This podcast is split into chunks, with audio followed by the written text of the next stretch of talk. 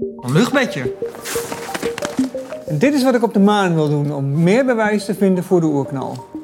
Dit is sterrenkundige Mark Kleinwold. De man die zijn campingluchtbedje wil uitrollen op de achterkant van de maan. Nou ja, dit is wel vaker met gekke ideeën. Daar wordt dan vaker altijd eerst een beetje over gelachen. Maar bij NASA krijg ik steeds vaker de feedback van nou, dit is eigenlijk best wel een goed idee.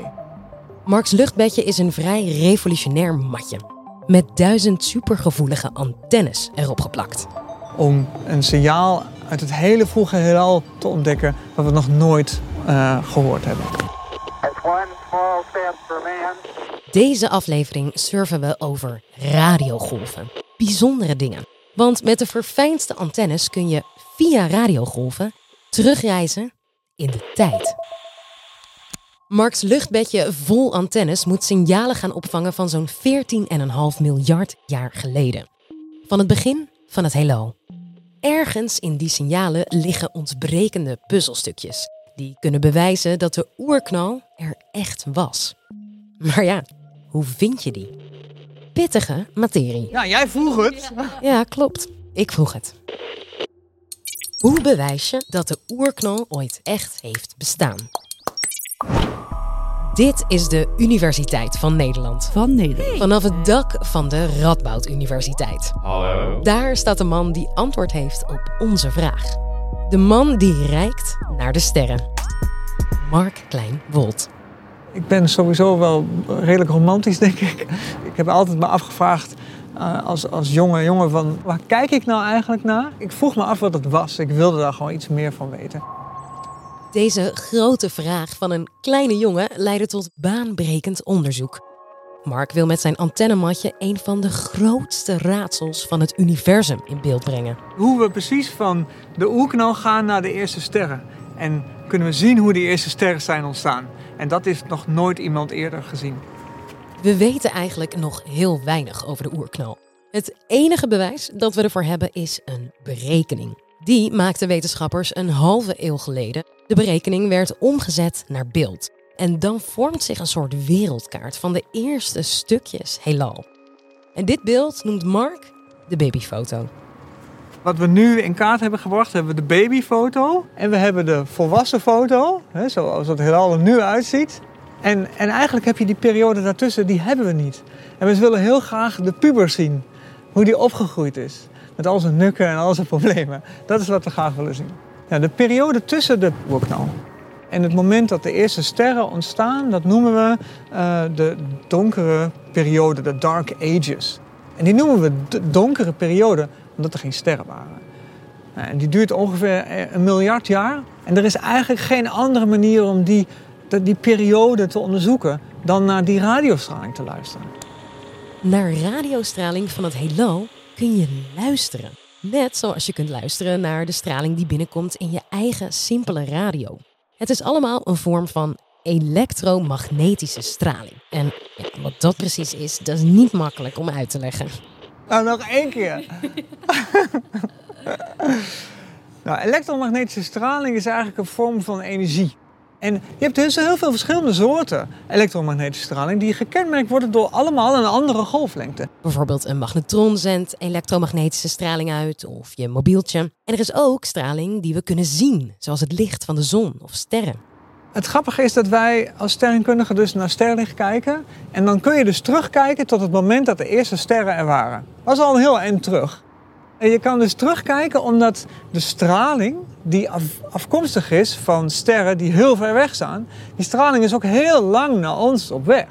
Nou, als je dus sterren hebt die dus bijvoorbeeld 13 miljard jaar bij ons vandaan staan en we vangen het licht daarvan op, dan vangen we dus licht op van 13 miljard jaar geleden.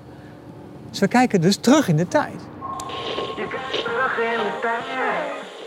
Als je als je naar de sterren kijkt, kijk je dus eigenlijk naar miljarden jaren oude straling van licht.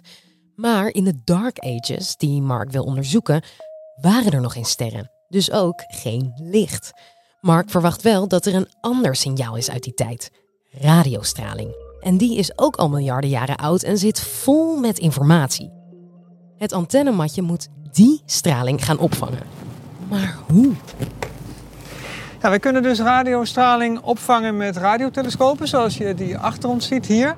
Oh ja, achter Mark staat een giga rood met witte telescoop. Zo'n typisch witte schotel die je in het klein wel eens aan een balkon ziet hangen. Maar eigenlijk is hetzelfde principe, uh, gebruiken we dat ook bij gewone radio's. Uh, kijk, hier heb je bijvoorbeeld een, een gewone radio met een antenne. En die antenne die kan radiostraling opvangen. Dus op het moment dat er een radiogolf voorbij komt, gaat er een klein stroompje in die antenne lopen. En dat stroompje wordt uiteindelijk omgezet naar een radiosignaal wat hier uit deze twee luidsprekertjes komt, wat je met je oren kan horen. Dus je weet bijvoorbeeld dat een bepaalde zender zit bij een bepaalde golflengte. En door aan deze knop te draaien, verander je langzaam de gevoeligheid van je antenne en kun je hem afstellen op een bepaalde golflengte.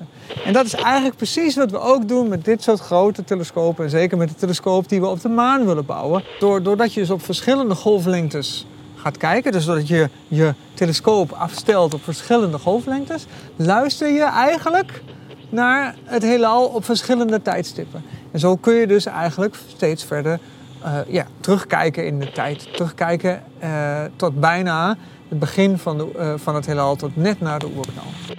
Miljarden jaren aan radiogolven die nu door het universum zweven. Hoe vind je dan de frequentie van die dark ages? Dat kun je uitleggen met zoiets simpels als een ballon. Waar Mark met een zwarte stift golven optekent. Dus we hebben een klein golfje die straling is uitgezonden 14 miljard jaar geleden en dijt mee uit met de uitdijing van het heelal. Als ik blaas, wordt de golflengte langer. De golf wordt groter. Als ik nou nog langer blaas, dus ik laat het heelal nog verder uitdijen, dan wordt mijn golflengte nog groter. Hoe groter de golflengte is, hoe langer geleden het is. Dus het heelal heeft langer uitgedijd. Dus als ik bij lange golflengte kijk, dan kijk ik verder terug in de tijd. En als ik bij iets minder lange golflengte kijk, dan kijk ik iets minder ver terug in de tijd. Hoe groter de lengte van een radiogolf, hoe langer geleden. Om af te stemmen op de Dark Ages zijn we dus op zoek naar lange, lange golven. Die zijn miljarden jaren onderweg en daardoor heel zwak. Om die periode te onderzoeken, die donkere periode, heb je radiotelescopen nodig. En een hele bijzondere radiotelescoop, want hij moet gevoelig zijn voor lange golflengtes. En omdat het signaal heel zwak is, wil je hem ook op de achterkant van de maan zetten. Je moet je voorstellen, eh, de maan draait om de aarde, maar hij draait net zo hard om zijn eigen as als om de, om de aarde heen. Dus de achterkant van de maan is altijd van ons afgekeerd. Maar als je maar ver genoeg aan de achterkant zit, en het liefst zelfs in een krater, dan zit je op een hele stille plek. Oké, we moeten naar de achterkant van de maan om die ontbrekende puzzelstukken te vinden van de oerknal. Maar Mark heeft minstens duizend antennes nodig om dat zwakke signaal uit de Dark Ages op te vangen. Duizend antennes in een raket naar de achterkant van de maan. Hoe dan? Als je maar een klein plekje hebt om iets mee te nemen, dan vouw je het meestal op. En ik moest dus denken aan mijn eigen vakantie. Dat ik vaak, zeg maar, als ik met mijn rugzak ga lopen, dan doe ik daar gewoon zo'n zo'n eh, ja, zelf opblaasbaar matje in. Dat rol ik dan strak op en dat stop ik dan in mijn tas. En dat gaat dan lekker makkelijk mee. En toen dacht ik, dat is best wel een goed principe. Dat je zeg maar gewoon heel veel antennes um, ergens opplakt. Of print. En uh, dus toen dacht ik, ja, misschien kan het wel op een soort van luchtbedje. Dit gedurfde internationale spaceplan begon dus met een ingeving op de camping. We mogen mee naar Mark's lab, waar hij met zijn team nu de eerste prototypes maakt. Want dit is zeg maar wat ik zelf in elkaar heb geknutseld. Maar hier hebben we het echte werk. Want je kan die antennes dus printen. Uh, maar dat doe je dus niet op een matje, maar dat doe je op iets dat heet uh, kapton. Ja, dus een soort van uh, aluminiumfolie, maar dan een beetje goudkleurig. En hier zijn dus de antennes op geprint. En uh, een antenne is eigenlijk niets meer dan een stukje geleidend materiaal. Dus bijvoorbeeld de antenne van je radio in je auto is ook maar eigenlijk een draadje wat op je auto zit en wat die radiostraling opvangt. En hier hebben we die draadjes dus als het ware geprint op dat kapton. En dat kapton plakt hij dan weer op zijn luchtbedje. Als alles goed gaat, liggen Marks antennes binnen 10 jaar op de maan. In een perfect stille krater. Kan hij zo bewijzen dat die oerknal er echt was? Ja, als we, de, als we het signaal van de Dark Ages gaan meten voor het eerst... dus als we de voorspelling die het oerknalmodel doet... dat die radiostraling, dat het er ook echt is... dat is een enorme doorbraak. Want dat betekent gewoon dat die theorie weer beter geworden is... en dat onze kennis over het ontstaan van het heelal nog groter is geworden. Maar maakt hij het zelf dan nog mee? Dat zijn antennes die oersignalen gaan opvangen. Als hij één keer op de maan staan en we staan inderdaad op een redelijk stille plek...